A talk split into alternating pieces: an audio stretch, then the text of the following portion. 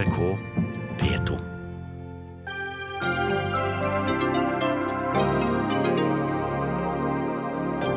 Arbeiderpartiet vil øke skatter og avgifter med over 10 milliarder. Men bare halvparten av skattekuttene til de aller rikeste, som vi har hørt om i tre år, reverseres. Og først var de for, så var de imot. Nå er Arbeiderpartiet for flyplasspassasjeravgiften. Med skog skal klimagassene fordrives, sier Ap, som lover storsatsing på biodrivstoff. Men klimaeffekten er negativ, viser forskning. Hvor ille ute er vi alle om Trump klasker til med 45% straffetoll på kinesiske varer? Og evangelikalske kristne i Norge jubler over Trumps seier og, si og hopper på mer kristen frihet i USA. Vel, de gir gjerne sin støtte til bøller så lenge de har Jesus i sitt hjerte, sier kristen professor.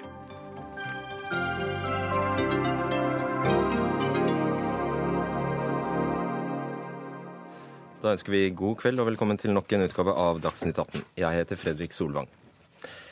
I tre år har Arbeiderpartiet kjeftet på regjeringen for skattekutt til de aller rikeste. Til sammen har regjeringen kuttet direkte skatter og avgifter med om lag 21 milliarder kroner. Men når Arbeiderpartiet får muligheten, så vil de ikke reversere alt. Faktisk bare om lag halvparten, 10,5 milliarder kroner. Marianne Martinsen, finanspolitisk talsperson i Arbeiderpartiet. Hvorfor det? Nå har jo regjeringa brukt eh, fire budsjetter på å kutte skattenivået med i overkant av 20 milliarder kroner. Eh, og vi mener at vi tar et ganske solid jafs når vi foreslår å dra inn igjen omtrent halvparten av det i løpet av ett budsjett.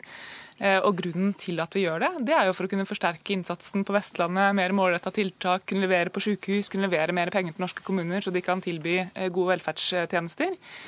Og vi har hele veien gjennom denne stortingsperioden kritisert innretninga på de skattekuttene som regjeringa har levert, fordi de i all hovedsak kommer de rikeste menneskene til gode. Og Med det skatteopplegget vi legger i dag, så gjør vi en god del kraftfulle eh, endringer i skattesystemet for å få et skattesystem som fordeler mer effektivt. Kan velgerne nå stole på at det er dette nivået som dere går til valg på, og som skal gjelde de neste fire årene? Altså, dette er nivået vi foreslår for 2017. Eh, Oi, så, så da kommer det mer?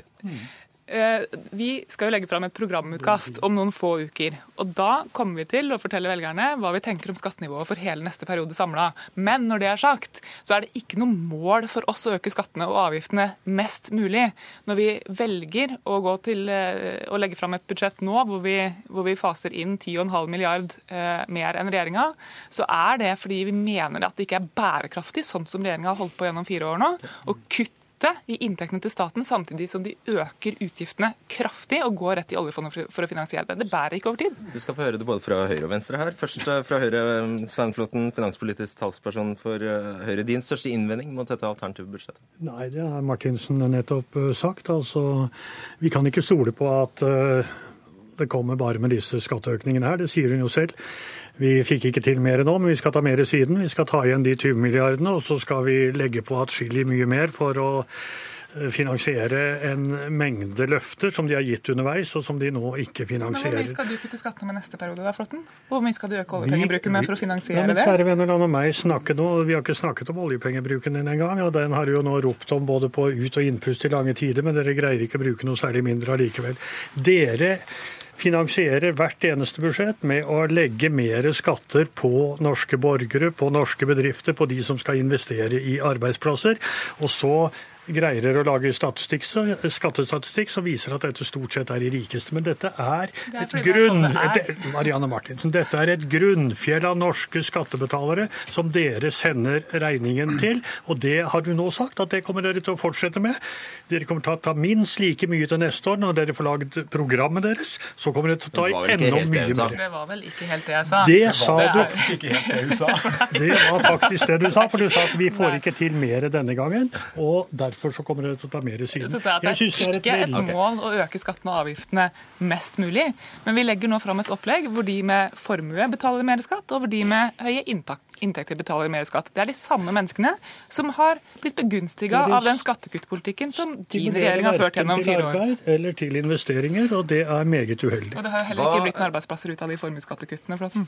Hva hørte du, Snorre Valen, finanspolitisk talsperson i SV? Er det dette skattetrykket, dette avgifts- og skattenivået som skal gjelde fra Arbeiderpartiet de neste fire årene? Det er jo litt uvisst. Altså det å, det å øke skattene med 10 milliarder kroner, altså omtrent halvparten av de meningsløse skattekuttene til Høyre i løpet av et år, det er jo bra. Altså Det er jo en god start.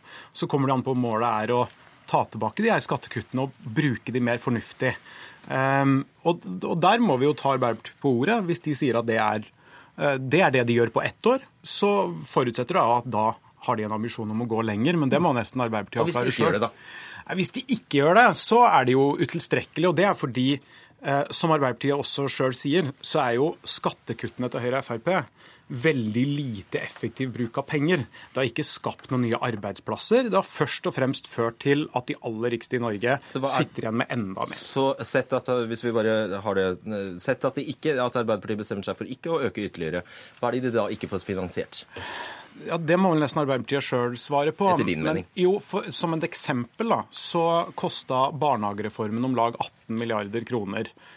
Det å sørge for at alle har råd til tannlege med egenandelstak, det koster om lag 10 milliarder kroner. Det høyresida gjør når de kutter skattene med flere titalls milliarder kroner, det er å velge bort ordninger som kunne redusert forskjellene i Norge. Og Derfor, så, i motsetning til Arbeiderpartiet, så mener jeg det er et mål å komme seg tilbake til skattenivået før Høyre og Frp fikk styre. Fordi pengene er dårlig brukt, og de hadde vært bedre anvendt hvis de hadde gitt mer utjevning, mindre fattigdom og bedre velferd. La oss snakke litt om, eh, det skal la oss snakke litt om uh, formuesskatten. Altså der, eh, eh, der øker dere satsen i formuesskatten, men dere tar ikke alt tilbake det regjeringen har gitt i skattelette på formuesskatt. Nei, Vi gjør tre grep i formuesskatten, grovt sett. Det ene er at vi oppfyller skatteforliket. Eh, den enigheten som vi, som vi fikk i, i våres om at verdifastsettelsen på aksjer og driftsmidler, altså det som er investert i norske bedrifter, skal ned til 80% Der går regjeringa bare til 90% Vi mener at det er viktig å få det på plass for å stimulere til at de som sitter med penger, i større grad kanaliserer de pengene inn i bedrifter, sånn at du kan få arbeidsplasser ut av dette. Så øker vi satsen til 1,2 eh, Det betyr en ganske kraftig formuesskatteskjerpelse, og da særlig for de som ikke har pengene investert i bedrift, men f.eks. i eh, sekundærbolig, eller bare stående i banken, eller hva det nå måtte være. Mm. Gamle Også, pensjonister, f.eks.? Ja, ikke i så stor grad gamle pensjonister, eh, kanskje. For det er ikke snakk om de eh, kjempestore formuene for store deler av den gruppa. Du favoriserer jo de som sitter med verdiene sine i aksjer, da, f.eks. Foran, de, foran en vanlig pensjonist med formue. Ja, Vi ønsker jo at pengene i større grad skal kanaliseres inn i bedrifter. Og så øker vi også verdifastsettelsen på sekundærbolig til 90% Og Det betyr at, eh, at med Arbeiderpartiets formuesskatt så vil det være mer gunstig å investere i bedrift enn å investere i bolig nummer to, tre eller fire. Det vil det ikke være med Høyres eh, formuesskattemodell og med regjeringas måte å legge dette opp på. Jeg syns Arbeiderpartiet er flinke til å late som de har tenkt å støtte norsk næringsliv med sin modell av eh, formuesskatten. De senker grunnlaget og øker satsene. Og så later de som om dette da er en bedring for de som eier norske bedrifter. Det er det selvfølgelig ikke. De får jo en høyere sats, og derfor så må de også betale en høyere skatt. Så dette er å kaste blår i øynene på folk. Det blir høyere skatter og høyere formuesskatt og høyere skatt på de som har verdier i norsk næringsliv med Arbeiderpartiets modell. Og det fiffige er jo at du har skrevet under på det, Svein Flåtten, i dette forliket. Det er jo det fiffige. Altså, Arbeiderpartiet har fulgt opp eh, deler av forliket, helt opplagt. Og de har også fulgt opp når det gjelder selskapsskatt og annet. Og det som er det viktige i denne saken, det er at Arbeiderpartiet har langt på vei erkjent, selv om de har satt opp satsen, at det å ha verdier investert i norsk næring, i norske arbeidsplasser. Det er et problem at det beskattes. Tilsvarende er det også på et par andre ting. Så det er jeg glad for, men jeg er ikke glad for at de skrur opp satsene og later som om det blir veldig mye bedre. Men dette vil jo først og fremst ramme de som har store formuer som ikke er investert i bedrift. Og det er hele poenget med denne modellen. Men det vil også ramme de som har store formuer investert i bedrifter. Du må ikke unnlate å si det. Altså det mangler vel, er det ja, litt, litt, avhengig av hvilke, hvilke, hvilke hvilke tall man eh, ser på Snorrevalen. Eh, kanskje litt rundt en milliard før de har tatt inn hele formuesskattekuttet. Eller i underkant, ja. Eh, er det nok? Holder det for dere? Ja, altså jeg syns det er veldig gledelig at Arbeiderpartiet henter inn mesteparten av Høyre sine formuesskattekutt i sitt budsjett. Det er en veldig god utvikling. Det synes jeg er veldig bra. Sjelden har en regjering brukt mange milliarder kroner så lite effektivt som Høyre med sine ideologisk styrte kutt i formuesskatten. De sa det skulle gi flere arbeidsplasser, men de gjorde ikke det. Hva kunne Arbeiderpartiet Men dere, dere, har ikke gjort det på samme måte som Arbeiderpartiet? Nei, vi legger fram vårt budsjett på mandag, og vi, vi velger en mer progressiv modell, som det kalles. Fordi vi mener at den store utfordringa, ikke bare i Norge, men internasjonalt, er at du har en veldig liten, rik elite som stikker av med mesteparten av veksten og blir stadig rikere på bekostning av alle andre. Og Derfor er vi mer opptatt av at de som har en milliard i formue, skal betale mer, ikke nødvendigvis de som har én eller to millioner kroner i formue. Og Derfor har vi det vi kaller en, en mer omfordelende formuesskatt. Så du betaler en høyere sats på formuer over 20 millioner kroner enn under 20 millioner kroner. Dess flinkere du har vært, dess mer skal du straffes? Nei, Det handler ikke om å være flinkere, fordi mer enn sju av ti av de rikeste menneskene i Norge er jo arvinger som ikke har jobba for pengene, men arva de. Og det er jo poenget her. Vi må ha et mer omfordelende skattesystem. Og la meg bare legge til det. Hvis vi først da skal øke formuesskatten, så bør vi for det første benytte sjansen til å gjøre den mer rettferdig omfordelende, og så bør vi øke den såpass at vi kan bruke noe av pengene på å senke skatten på inntekt for de som tjener lite. Det er et progressivt skatteskifte der folk flest får det bedre, mens de som har aller mest, må betale mer. Sven, eh, eh, ok, det, ja, det regner jeg med du er ganske enig i. Svein Flåtten, altså det, det, har vært skjert, eller det var egentlig Jan Tore Sanner som kom, kom, med dette tallet på 33 milliarder kroner årlig. altså at, at, skattene måtte heves med det for at disse løftene til Arbeiderpartiet skulle, skulle eh, kunne bli fullfinansiert. Hva, hva er det han mener med det? Ja, med det mener han at eh, Arbeiderpartiet har gitt forpliktende løfter gjennom landsmøtevedtak, gjennom programerklæringer, gjennom andre erklæringer, som tilsvarer at de må finansiere en 20-30 milliarder kroner i året. Og nå hører vi jo på Marianne Martinsen at de har eh, ingen motforestillinger mot å gjøre det på en frisk måte gjennom skatteøkninger. Og det tror jeg også er det eneste måten, hvis ikke det skal gå utover velferdsordninger. Så det er et enkelt regnestykke. Jeg skal ikke lekse opp alle tingene, men eh, det er det vi kommer til å se. og begynner Begynnelsen har vi sett i dette budsjettet her, så fortsettelsen kan man bare grue seg til. Kjempekort. Mm. Altså, det er jo helt utrolig å bli angrepet eh, av et parti som gjennom hele denne perioden ja. både har økt utgiftene og kutta inntektene, når vi legger fram et opplegg hvor vi øker utgiftene, ja, men også øker inntektene. Og så syns jeg det er ganske ja, påfallende hva sa du? Vi har hatt masse oljepenger. Ja, Vi har brukt fryktelig masse oljepenger. Dere har brukt akkurat like mye. Det, det, det er det dere har gjort. Det er det som har vært deres, deres svar. Dere har altså økt uh, utgiftssida på statsbudsjettet med 155 milliarder kroner mens dere har sittet i regjering, og anklager nå oss for å ha uh, løfter som koster noen milliarder, og at det er helt umulig. Og så er det ganske fantasiløst av Høyre å påstå at den eneste måten du kan finansiere dette på, det er ved å øke skattene. Mm. Det å få flere folk i jobb, okay. det å få en mer effektiv offentlig sektor Mer rettferdig fordeling er ja, bra for økonomien. For å gjøre det, så må man stimulere folk til å arbeide og til å investere. Ja, det og det vil dere i hvert fall ikke. For Snorre kaller dette å stikke av med pengene, og vil beskatte de. Takk skal dere ha. Du blir sittende, Marianne Martinsen, Snorre Valen og Svein Flåtten.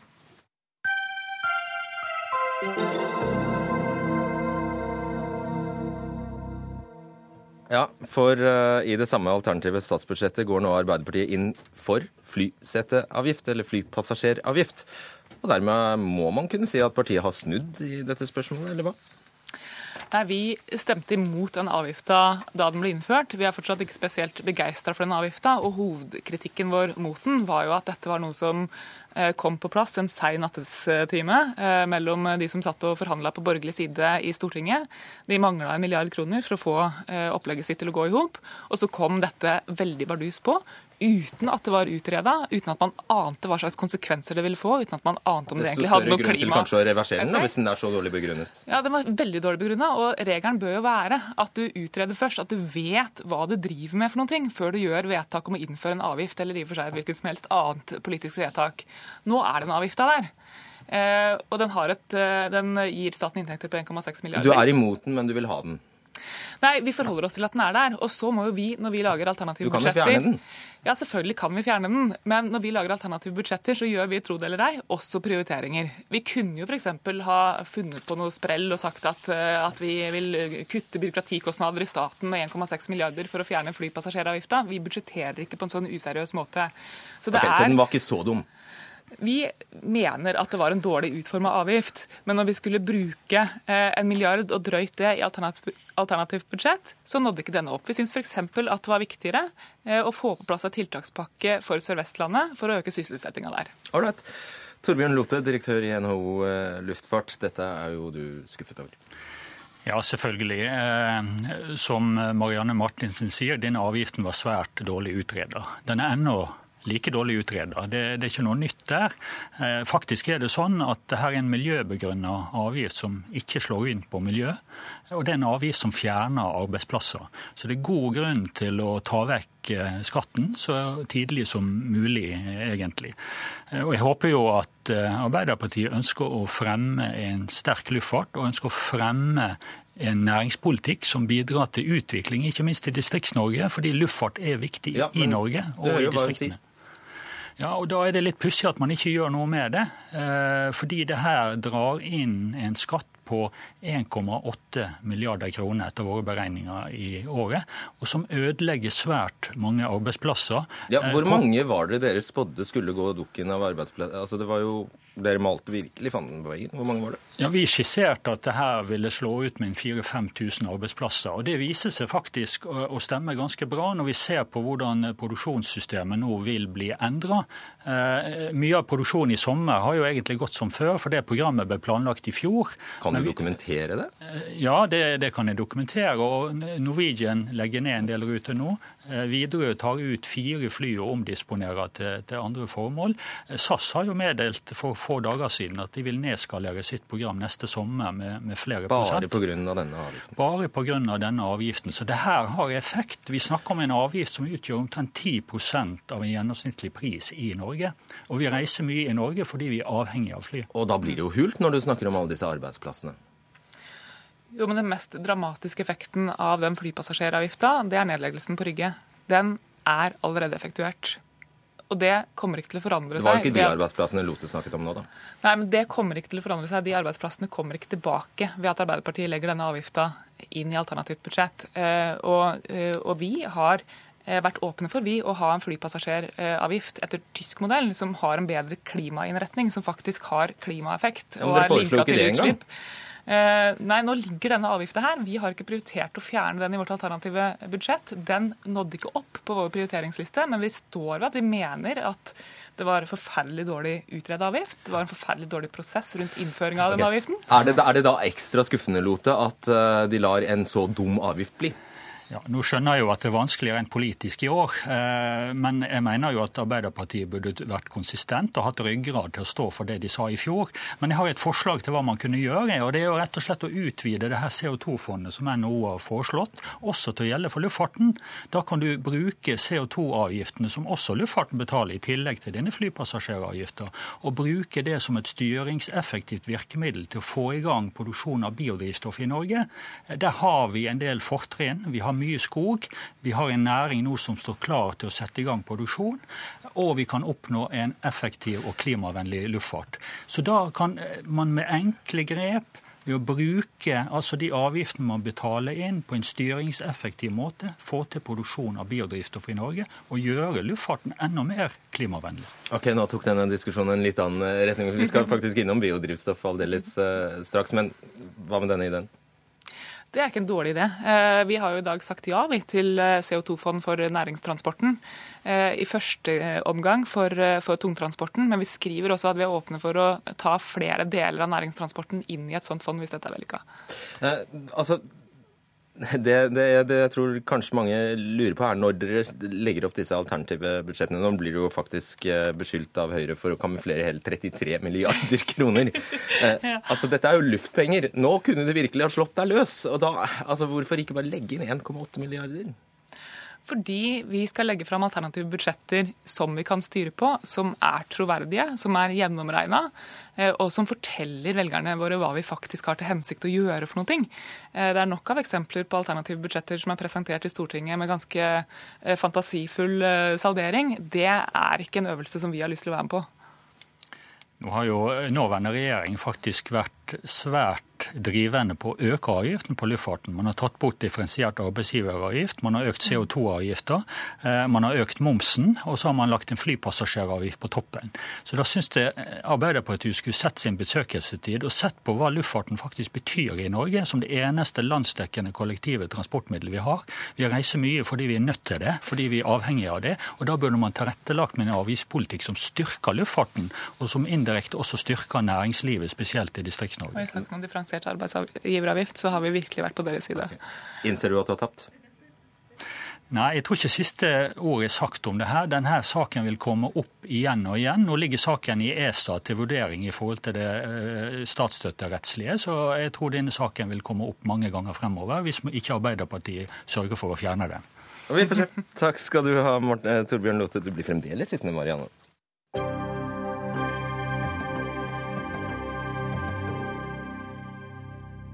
Skal vi snakke med Magnus Takvam, vår politiske kommentator. Eh, ja, hva vil Arbeiderpartiet kommunisere med dette alternative budsjettet? De vil jo bl.a. Uh, kommunisere et alternativ til dagens regjering sin økonomiske politikk. Det er jo det dere har snakket veldig mye om uh, før her, nemlig skatteprofilen viktig. Altså at de øker skattene med vel 10 milliarder. At de har en annen fordelingsprofil. Eh, at de prioriterer kampen mot arbeidsledighet, og også at de eh, vil eh, kommunisere at Arbeiderpartiet er opptatt av miljøet og har en mer gjennomarbeida grønn profil. Mm. Um, ja, Og den aller, aller største forskjellen, sånn mest iøynefallende forskjellen mellom dette alternative budsjettet og regjeringens?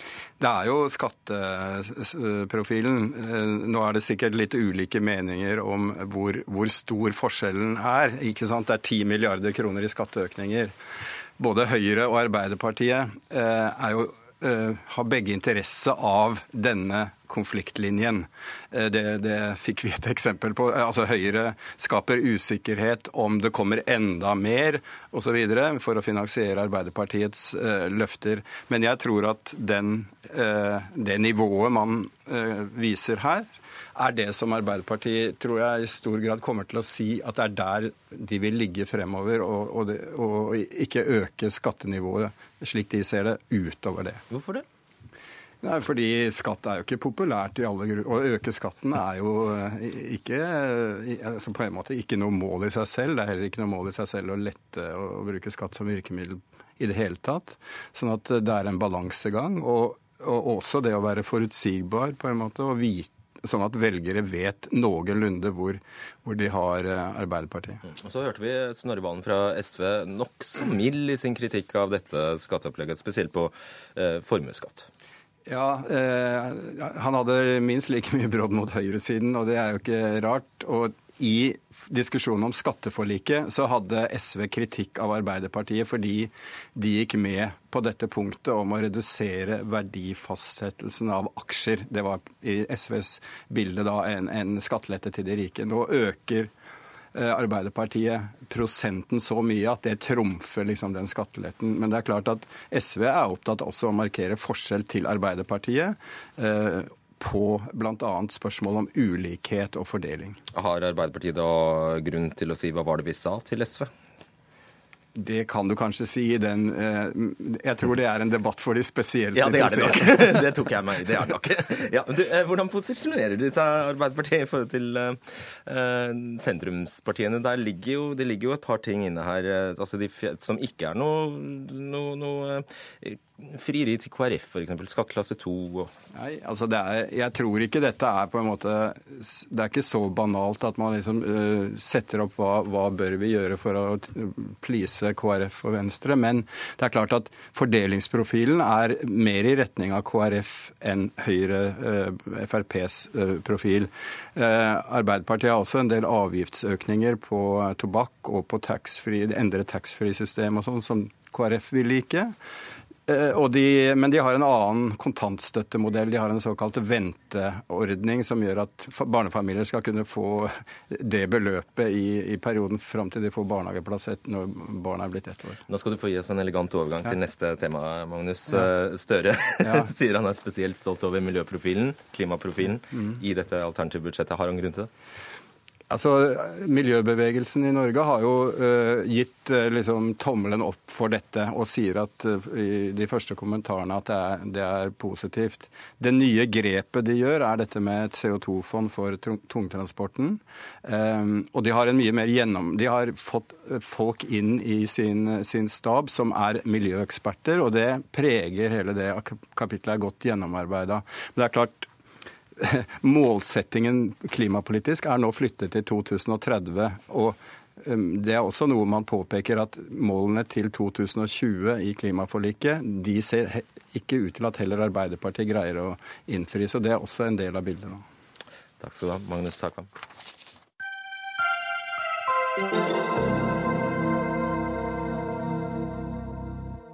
Ja, for nå er altså målet, som Magnus Takvam er inne på, at Norge skal kutte klimagassutslippene med 40% innen 2030.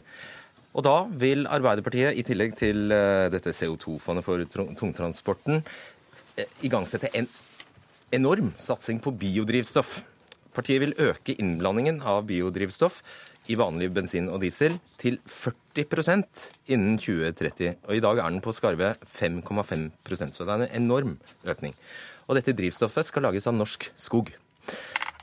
Ja, Marianne Martinsen, fremdeles med oss. Nøyaktig hvor mange tonn har du tenkt å kutte tonn CO2 har du tenkt å kutte ved å øke dette omsetningskravet til 40 Ca. 2 millioner tonn fram til 2030. Ehm, og Det er ikke bare norsk skog dette skal baseres på. Vi kan også importere. Sverige og Finland har mye produksjon av, av bærekraftig drivstoff. Ehm, men det vi eh, har erkjent, er at hvis vi skal nå målsettinga om å kutte 10 millioner tonn i ikke-kvotepliktig sektor fram til 2030, lang setning, men det er målet, Eh, så må vi i tillegg til å fase inn masse nullutslippsteknologi også få ned utslippene fra de kjøretøyene som allerede er på veien. De kommer til å være med oss i mange år. Eh, og den eneste måten å få ned utslippene fra de bilene, de lastebilene, i og for seg de flya og skipene på, eh, det er eh, ved å få til en kraftig innblanding av biodrivstoff. Og så finnes det jo bra biodrivstoff og dårlig biodrivstoff. Og det er det bra biodrivstoffet vi skal ha inn på tankene her. Hvis ikke så mm. er det ikke noe særlig vits. Forutsatt at du får det gode biodrivstoffet ditt, da. Mm. Hvordan kan du vite at det gir den klimaeffekten du påstår nå? Vi er nødt til å ha biodrivstoff som oppfyller bærekraftskriteriene våre. Eh, og Det betyr at de skal ha en faktisk eh, klimaeffekt. Eh, det stiller man krav til gjennom bl.a. fornybardirektivet til EU. Og vi har egne kriterier som sier noen ting om at du skal analysere hvor store klimagassutslipp Men Du kan ikke bare vedta at det skal være klima, det må jo faktisk være det? Ja, det må faktisk være det. Og da må man undersøke. Da må man legge hele livsløpet til produksjonen av biodrivstoff eh, til grunn. Og, og regne ut om dette faktisk har en klimaeffekt.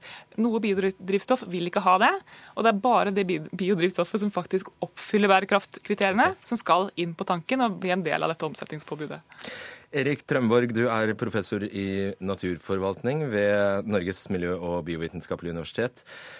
Hvis 40% av diesel og bensin skal erstattes med biodrivstoff eh, lagd på norsk skog innen 2030, altså hva, hvor mye eh, Stemmer det da? At, er det helt, helt sikkert, som Marianne Martinsen da sier, at da greier vi å kutte to millioner tonn i året? Hun har vel ikke sagt at vi skal eh, kutte 40% av dagens forbruk, for det er et kjerne, en kjernesak. Skal, vi må redusere energiforbruket i transportsektoren. Det er en helt klar klimagassutfordring for Norge.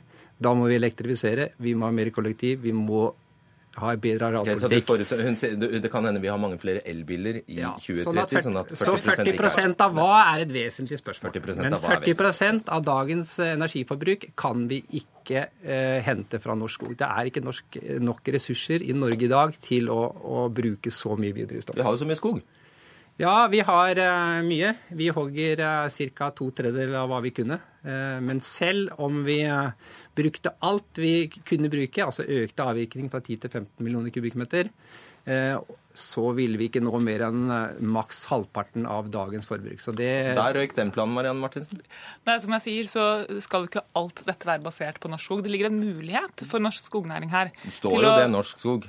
Ja, nei, altså Det ligger en mulighet for norsk skognæring her eh, til, å, eh, til, å, bruke f.eks. restavfall, eh, kvister, topper, bark til å, produsere, til å, produsere, mer. Eh, men vi kommer til å måtte importere også. Eh, og nå har jeg allerede pekt på Sverige og Finland, som har stor produksjon av bærekraftig drivstoff, som et mulig marked å hente mer i. Men når vi, sant, når vi, når vi sier at vi i første omgang skal opp til 10% i 2020 og så legger inn en kontrollstasjon i 2022 for å sjekke om det faktisk altså er det markedsmessig grunnlag for å gå videre til 25% innblanding i 2025, så er det i erkjennelsen av at det per nå er en stor barriere, at det ikke er nok bærekraftig drivstoff i markedet til å kunne gå enda raskere fram. Eh, hele hensikten her må jo være at Norge kan erklære i 2030 at dette tiltaket faktisk har ført til klimagassutslipp. Er du helt sikker eh, Trømborg, på at et sånt tiltak vil kunne gjøre det? Altså, det som er jo helt klart, er at vi har ikke alternativer til biodrivstoff i deler av transportsektoren. Fly, eh, deler av tungtransport og båttrafikken, deler av den må dekkes av flytende biodrivstoff på lengre sikt. Det er det eneste fornybare alternativet vi har så er det sånn at bruker vi ja, Men det vedkommer jo egentlig ikke saken, da. Eh, jo, fordi vi, har vi ikke fornybare alternativer, så må vi bruke de vi har. For vi må bli fornybare, og det vil på sikt redusere klimagassutslippene. Ja, men hvis det Ja, OK, det var så, ikke det jeg spurte deg om. Egentlig er, Gir det en kortsiktig eh, effekt på kort sikt, eller hvor langsiktig gir effekt er effekten? Innen 2030. Ja. For det er i 2030 vi skal rapportere dette. Ja. Gjør det det? Og hvis vi bruker hogstavfall, biprodukter dagens avvirkning, som vi i stor grad også eh, eksporterer til eh, Sverige, hvis vi bruker de ressursene, ikke øker avvirkningen vesentlig, så vil det også gi en, en effekt på kort sikt. Og, og, politisk sett så er det jo sånn, kutter vi fossile utslipp og bruker eh, biomasse, så gir det en effekt i de og regnskapene Når du sier kort sikt, så må vi forutsette at du mener innen 2030. Det er hele poenget her. Ja, og, ja. og, vi, og det regnes sånn at, vi, at, det faktisk gir eh, en umiddelbar effekt i de politiske regnskapene, og det er en del av det politiske politiske bildet. Stikkordet er politiske regnskap. Vi kommer tilbake til det. Bjart Holsmark, forsker ved SSB, Statistisk sentralbyrå. Du, også, du har faktisk regnet på Arbeiderpartiets eh, forslag. Hvor mye reduserer dette norske klimagassutslippet? Det vil, netto så vil Arbeiderpartiets forslag definitivt komme til å øke norske utslipp netto gjennom hele dette århundret. Så jeg er veldig overrasket over hva Erik Trømborg her sier. Du, og, og, Det er også litt merkelig det du sier om at man bare kan øke hogsten i Norge med ca. 50% altså Det er fysisk mulig å øke hogsten i Norge, i hvert fall fordoble den. Uh, og, og, men, og hvis man gjør det, og samtidig samler sammen en masse skogsavfall, så kan du kanskje klare å få nok biodrivstoff til å dekke Arbeiderpartiets Men, eh, forslag. Ok, Gå tilbake på kort sikt, som vi snakker om, altså i 2030, når vi står der ja. i 2030 og da, dette, dette, tiltaket da eh, skal ha fått ned Norges klimagassutslipp, ja. så sier du faktisk at det er det motsatte som har skjedd? Ja, ja, ja, helt klart. Altså I 2030 så vil dette anslagsvis eh, altså Du vil kanskje kunne redusere fossile utslipp på denne måten med en 3-4 millioner tonn CO2 per år, mens netto fangst fra skogen, på den, sannsynligvis eh, hvis du bygger på f.eks. disse studiene som er gjort ved Norsk institutt for bioøkonomi, så vil det redusere nettofangst i skogen med kanskje 15 eh, millioner tonn CO2 i år. Så du har en økning på ca. 10 millioner tonn CO2 i norske utslipp i 2030. Litt av et klimatiltak. Marianne Martinsen, svar veldig kort på det. Ja, altså, vi er jo ikke ukjent med Bjart Holtsmark sin forskning. Han var f.eks. på besøk hos oss i april og la fram eh, dette. Men det er jo ikke enighet om at et klimaregnskap må se sånn ut hvis du faser inn biodrivstoff. Det er jo professoren ved siden av meg her et godt eksempel på. Eh, Han og det som, da. Og det som er nøkkelen her, er at vi skal ha det bærekraftige biodrivstoffet på tanken, bl.a. basert på hogstavfall. Og så ligger det også, når vi begynner å nærme oss 2030, altså det er noen år fram i tid, mange spennende muligheter i det marine. Alger, fiskeslam, som vi har miljøer som driver med. Jeg, må eh, få introdusert sistemann her, eh, Holger Slaupitz, fagsjef i Naturvern For siden Marianne Martinsen viser til at Holsmark har vært på besøk, så vil jeg spørre deg, hva vet vi om, hva sier øvrig norsk forskning? Eller hva sier øvrig forskning om klimagasseffekten av eh, å bruke norsk skog til biodrivstoff? Ja, så Det er gjort flere utredninger. Én kommer fra daværende Klima- og forurensningsdirektoratet. Og så har vi også NVE som lagde en studie nå i fjor. og Begge viser jo at det å bruke norsk skog til eh, flytende biodrivstoff vil gi en veldig lang nedbetalingstid. Altså Vi snakker om kanskje sånn 90 år før det CO2 som er sluppet ut som følge av forbrenning av eh, dette trevirket, er bindet tilbake igjen i eh, skogen. Fordi skogen, trærne, er så Det er så fantastisk at trærne binder eh, CO2? Trærne er en fantastisk eh, skapning, er kanskje å ta litt hardt i, men eh, en plante sammen med jorda eh, og soppene som vokser der, som suger til seg CO2. Så det er et fantastisk fangstredskap. Og jorda er et fantastisk medium som holder på karbon. Og, ja, det, hva er din mening? Er det tvil i forskningen her? Altså, jeg vil si at Det er flere ting alle er enige om, tror jeg. Brenner du en liter eh, biodrivstoff, så er det den eksosen som kommer inn, har like mye CO2 i, eh, i eksosen som fossilt drivstoff. Det er fordi det er de samme type, altså det er karbon som forbrennes. Og så tror jeg alle er enige om at dette her er ikke noen nullutslippsløsning. Det tar tid å binde karbonet. Og eh, Derfor er det veldig viktig at vi nå som vi må kutte utslippene kraftig altså Det er litt synd at Arbeiderpartiet også forlater 2020-måla. Men, eh, Ikke bland inn det. Nei, men eh, vi må kutte klimagassutslippene kraftig. Og fort. Og, da, og fort. Og da må vi ikke ta i bruk tiltak som øker utslippene nå. Og Jeg har flere ting jeg vil peke på som jeg håper jeg kan si etterpå. Det håper jeg òg. Eh, fordi stikkordet, stikkordet her, Trømborg, er jo fort. Og vi snakker altså, du sa i sted kort sikt. Hvis vi da ikke hvis vi da, altså Du sier at du, du tror utslippene vil kunne synke på kort sikt.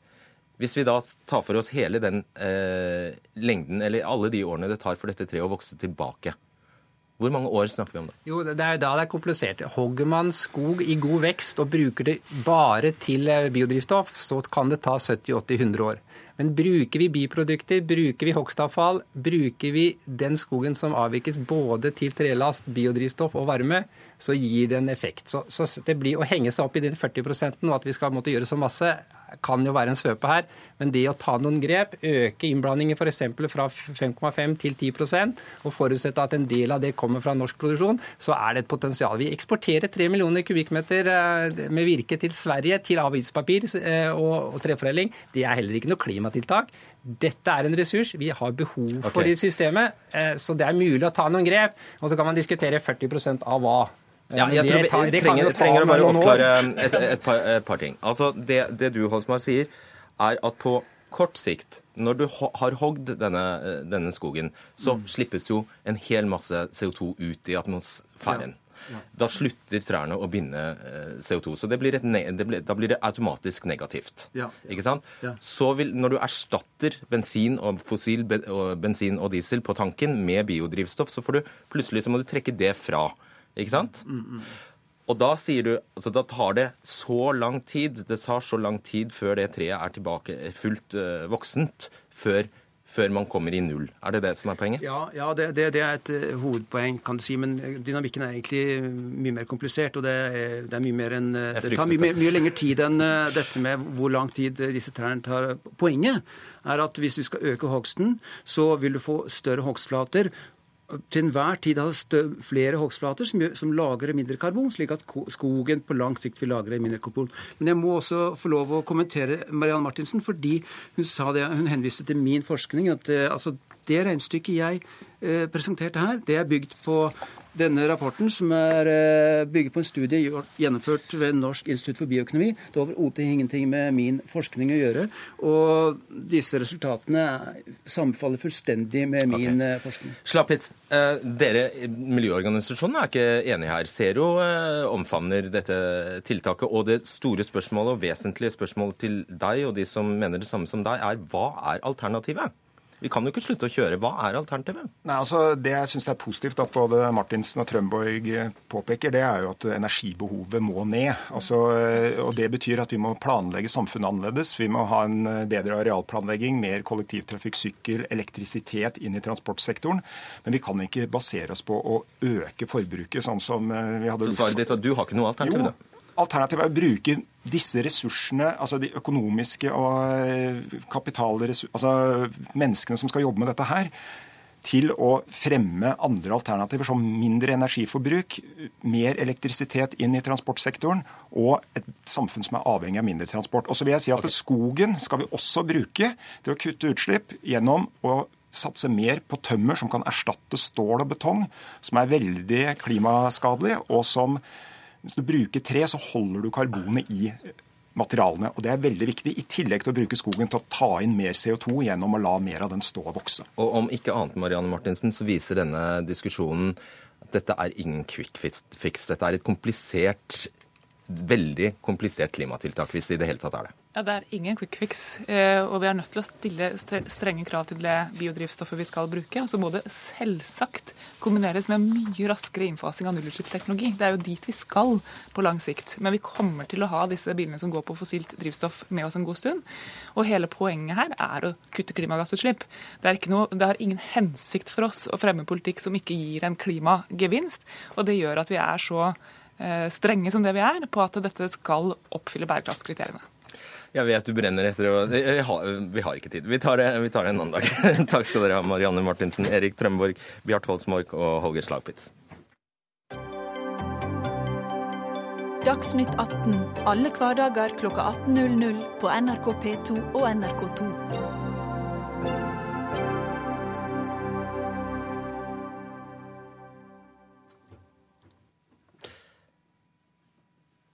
Da skal vi snakke om det amerikanske valget, og eh, vi skal snakke om økonomi.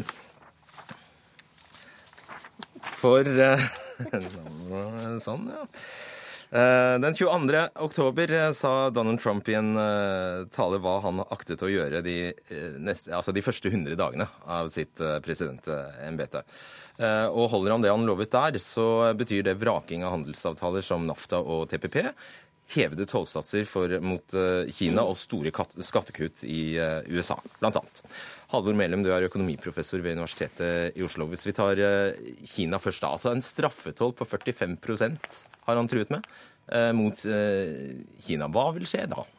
Ja, Da blir det full handelskrig, og det, det vil verdensøkonomien ja, vil gå på en skikkelig bråstopp. Eh, for Kina vil eh, komme med mottiltak, og det vil gjøre ting med norsk økonomi. Oljeprisen vil eh, gå i kjelleren, osv. Og så, videre. så det vil bli eh, kaos. Så det tror jeg er så dramatisk at det ikke kommer til å skje. Fordi at amerikansk næringsliv vil også eh, tape enormt på en sånn eh, offensiv, krigersk Eh, ja, tiltak på handelssiden. Er han ikke er han ikke nesten forpliktet til å komme med en variant av straffetoll? Han har jo, det er jo dette han faktisk altså det, det, det, det, er jo nesten sånn det forklares at han har vant hele russbeltet. Altså, eh. Nei, altså Det han øh, er forpliktet til, det er vel øh, og gjøre så godt han kan. og det, Han vil vel sikkert kunne klare å argumentere for at det var ikke så lett, eh, fordi at den lobbyen som han prøver å kjempe mot, den er sterkere enn han trodde i gåseøyne.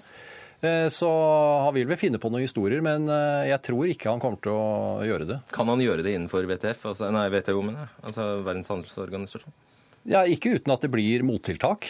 Eh, så selvfølgelig det å bryte avtaler er jo Det er anledning til det. Det er jo ikke noen domstol som står over her og som kan, så kan eh, eh, hva skal vi si, dømme den amerikanske presidenten i noe som helst. Så de gjør jo det de vil, men de må bære konsekvensen av det med mottiltak som vil kunne aksepteres av WTO. Elisabeth Holvik, sjeføkonom i Sparebank1 er alle i USA, alle, alle, som kan økonomi i USA, enige om at, dette er, at det er en idiotisk tanke? Altså, jeg skal huske at Kina har jo nå laga en ny eh, langtidsplan som heter Made in China 2025. Der de helt strategisk ønsker å gå opp i verdikjeden. Og måten de gjør det på nå, for de har problemer med å øke innovasjonstakten internt i landet, så driver de og kjøper opp masse selskap i Europa og i Vesten. USA har jo et system for å stoppe den type oppkjøp. Europa har det ikke. Og, det at eh, Kina har eh, såpass eh, aggressive vekstplaner gjennom å kjøpe seg opp innen teknologi, er jo noe som vi i Vesten må svare på. Mm. Og det at du har lavere handel nå enn før, altså mindre frihandel, det er jo tendenser som en har sett øke fra år til år etter 2008. Så Trump fanger jo på en måte bare opp realitetene og eh, svare på en enorm utfordring eh, som er at den vekstmodellen vi har hatt, som har gjort at du har hatt økt globalisering, økt frihandel, har tjent i makro eh, landet vel, men har skapt enorme spenninger og enorm skjevfordeling av verdiene. Hvis du ser på statistikk, så er 81% av amerikanerne har fått det uendra eller dårligere økonomisk de siste 10-15 årene. Mens de på toppen har tjent enormt. Sånn at det er, det er store spenninger i den vekstmodellen, og noe må gjøres. Og jeg tror at uh, uansett hvem som hadde blitt valgt, så vil en se at den vekstmodellen der samspillet mellom USA og Kina har drevet opp veksten og handel og globalisering, den er i ferd med å slå sprekker uansett. Og, eh, ja, hvor utenkelig tenkelig er det å melde USA ut av NAFTA og eh, denne TPP-avtalen? Eh, nei, altså melde ut av NAFTA, jeg tror ikke på det heller. Altså, Det amerikanske næringslivet er så innvevd med partnerne i nord og sør at det tror jeg at næringslivet vil klare å blokkere. For eh, næringslivet har eh, tunge venner i Kongressen. Og Trump er jo også opptatt av næringslivets eh, ve og vel, så jeg tror ikke at dette vil bli, bli, at det blir satt en strek over.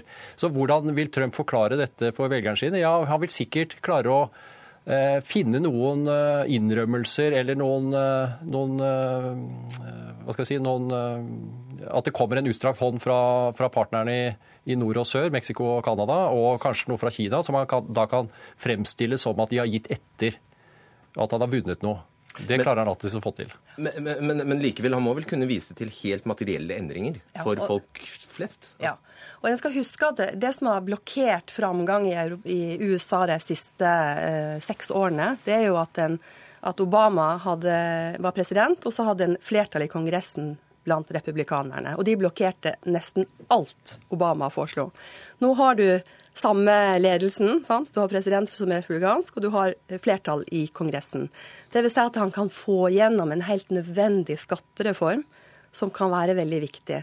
Det kan, hvis han greier å få amerikanske selskap som Apple og store selskap som har mye penger i andre land, for der er det mye, mye lavere selskapsskatt, så han kan gjøre en eh, ordentlig skattereform og få mye av den kapitalen tilbake til USA, så vil det være veldig positivt. Og det tror jeg det at når en skjønte at, eh, at republikanerne fikk flertall, og en hadde en handlingskraftig ny ledelse i USA, og da har det vært skattereformen som har lagt som en sånn håp mm. at det er i hvert fall noe konkret som kan sette i gang positive effekter. Og der har han lovt skattekutt til rund baut. Ja, det er eh, dramatisk og, og, friske skattekutt, eh, rett og slett. Og det kan han eh, rett og slett få Kongressen med på. Det, og det syns næringslivet er fantastisk. Så det har jo gitt en god, godt løft til amerikanske børser. Så det løftet tror jeg han vil levere på, fordi det er det mulig å levere på. Fordi det er populært i næringslivet, og det er også populært hos hans partikamerater i, i Kongressen. Men da kommer det til å gå ut gigantbeløp til de skattelettene. Så hvis han da etterpå skal prøve å levere noe til eh, de som faktisk stemte eh, på ham, eller disse nye gruppene, de, eh, de rustbelte osv., så, videre, så så tror jeg han har lite igjen til dem i målrettede tiltak. Selv om det er noe Nei, det, og Han kunne sikkert være ønsket, ønsket å låne enda mer for å finansiere noen tiltak på, på rustbeltet, men der tror jeg Kongressen vil si nei, etter at så mye har gått ut i disse skattelettene. Mm. Kort til slutt. Ja, og det andre tingen som han lovde veldig tydelig i den første talen han holdt nå, det var jo at han skulle øke infrastruktursatsingene kraftig. Sant? Og det igjen eh, vil jo måtte skje med lånte penger. Så et ganske sikkert bett er at eh, det blir satt i gang mye aktivitet. Skapt mange arbeidsplasser, men gjelda kommer nok til å øke. Ja, selv om han der har, et, selv, han har sagt at det, det, skal settes et tak for, for gjelda. Ja, men det er jo eh, fristende, da. Når en har mye valgløfter som man skal levere på, så er det jo fristende da bare å, å låne litt. Ikke sant. Sånn er, for, sånn er, det vel for alle politikere. Ja, og det, Han kan jo lære noe av Kina, da. For det de gjorde etter 2008, det var jo å opprette selskap som kunne låne. Så en la det utenfor statsbudsjettet. Det er et litt fiffig triks som jeg tror vi kan se også i USA. Takk skal dere ha, eh, Halvor Mellem og Elisabeth Hollvik.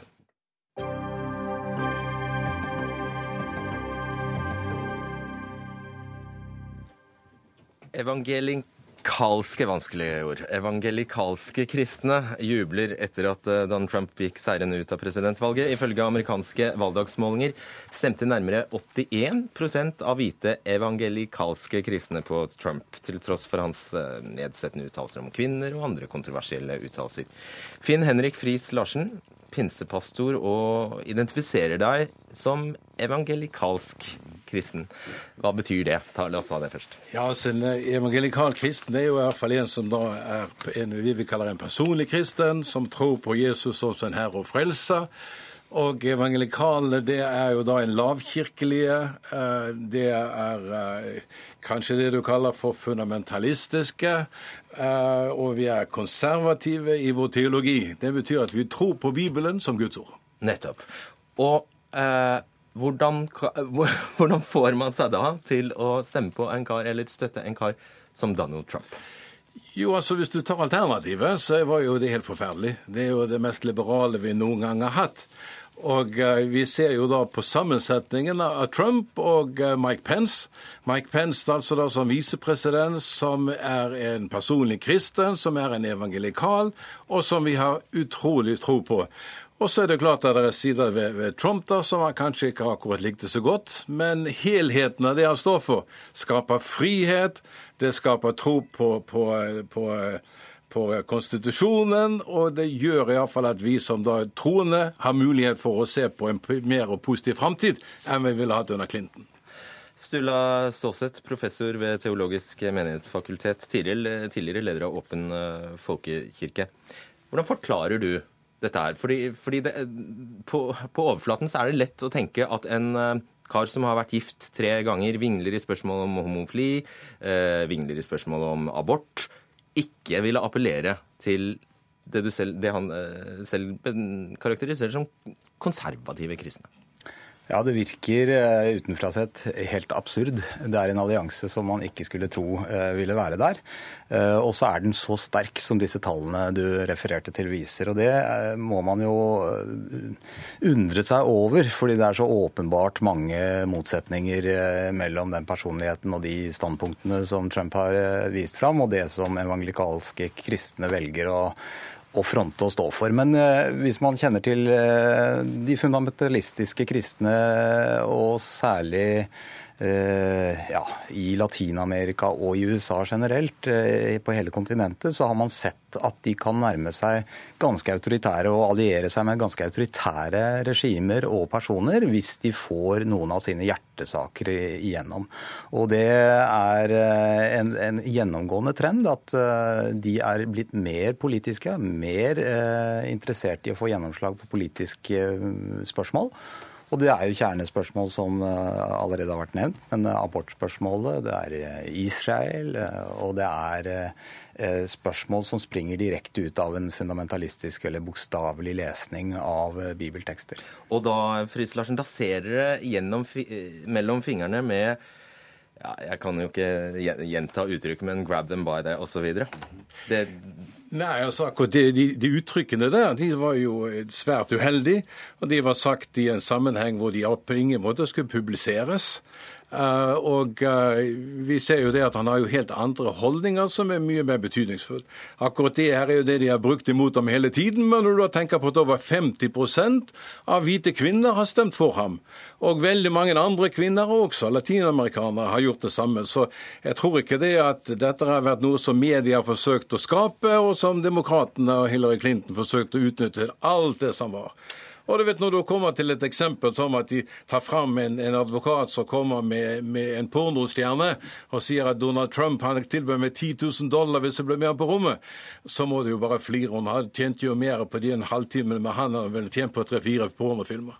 Så, så idiotisk har liksom denne, denne, delen av klagene på Trump vært. Skjønner. Altså, det, eh, Trump skryter av at han er milliardær, han lever i overflod, eh, i vanvittig luksus og, og velstand, og, og, har et eh, stort forbruk. Det er jo ikke akkurat skal man si, haugiansk. Nei, Hvordan får man denne mammon til å stemme overens med Gud? Igjen tror jeg det er veldig mange som syns at dette virker veldig i strid med det man oppfatter som grunnleggende kristne verdier.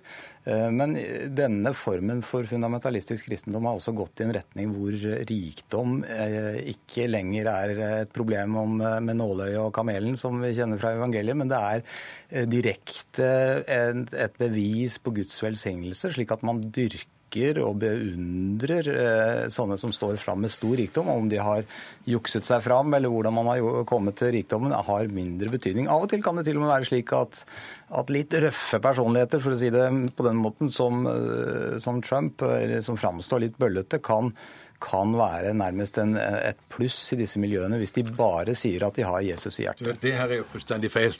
Altså, Jeg vet ikke om han, hvem, hvem da Ståle sikter til. Om det er det vi kaller for de prosperity-kristne, så er ikke det blant evangelikale.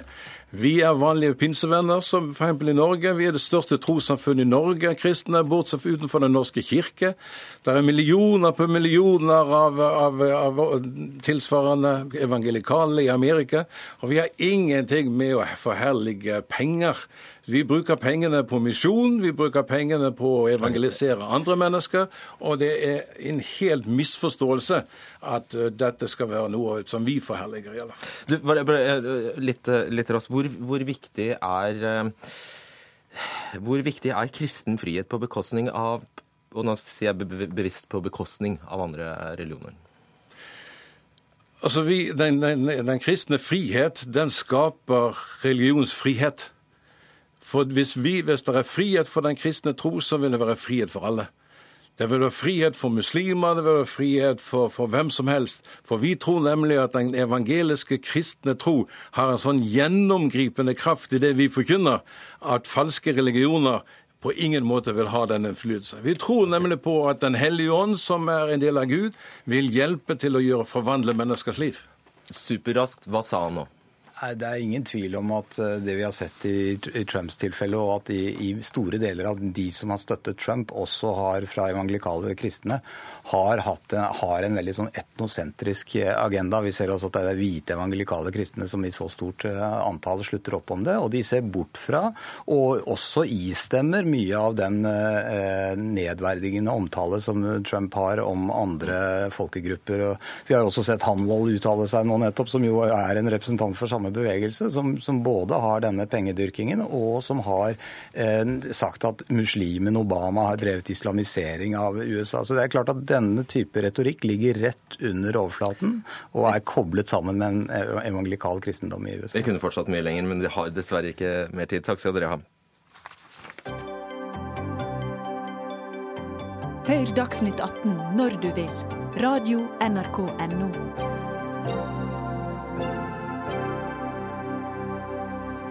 For vi skal rekke å suse innom deg, Groholm. Eh, påtroppende president Trump har akkurat kommet ut fra et eh, to timer langt møte med president Barack Obama i Det hvite hus. Eh, vet du hva de holdt på med?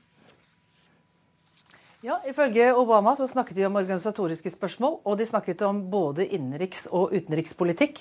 Obama sa at det er helt avgjørende for han å få til en god overgangsperiode, og at hans team vil samarbeide med, eh, med Trumps overgangsteam. Trump på sin side var veldig, virket veldig ydmyk der de to satt foran peisen i det ovale rom og, og, sa at de hadde hatt en veldig god samtale.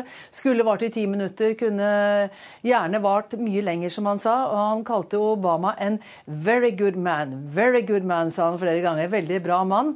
Eh, da pressen, da pressen ble, fikk en kort kommentar fra de begge. Han, eh, ingen av dem eh, ville svare på spørsmål, selv om det nesten så ut som om Trump kunne hatt lyst til nettopp det.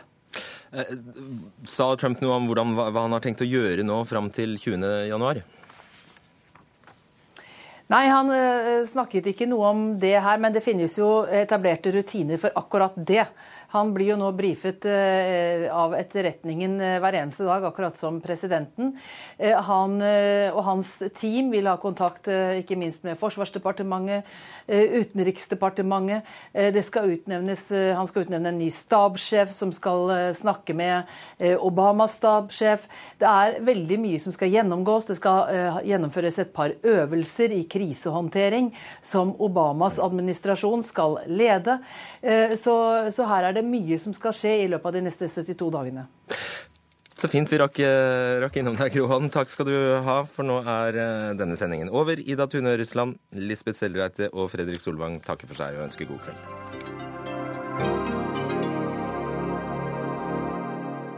Hør flere podkaster på nrk.no podkast.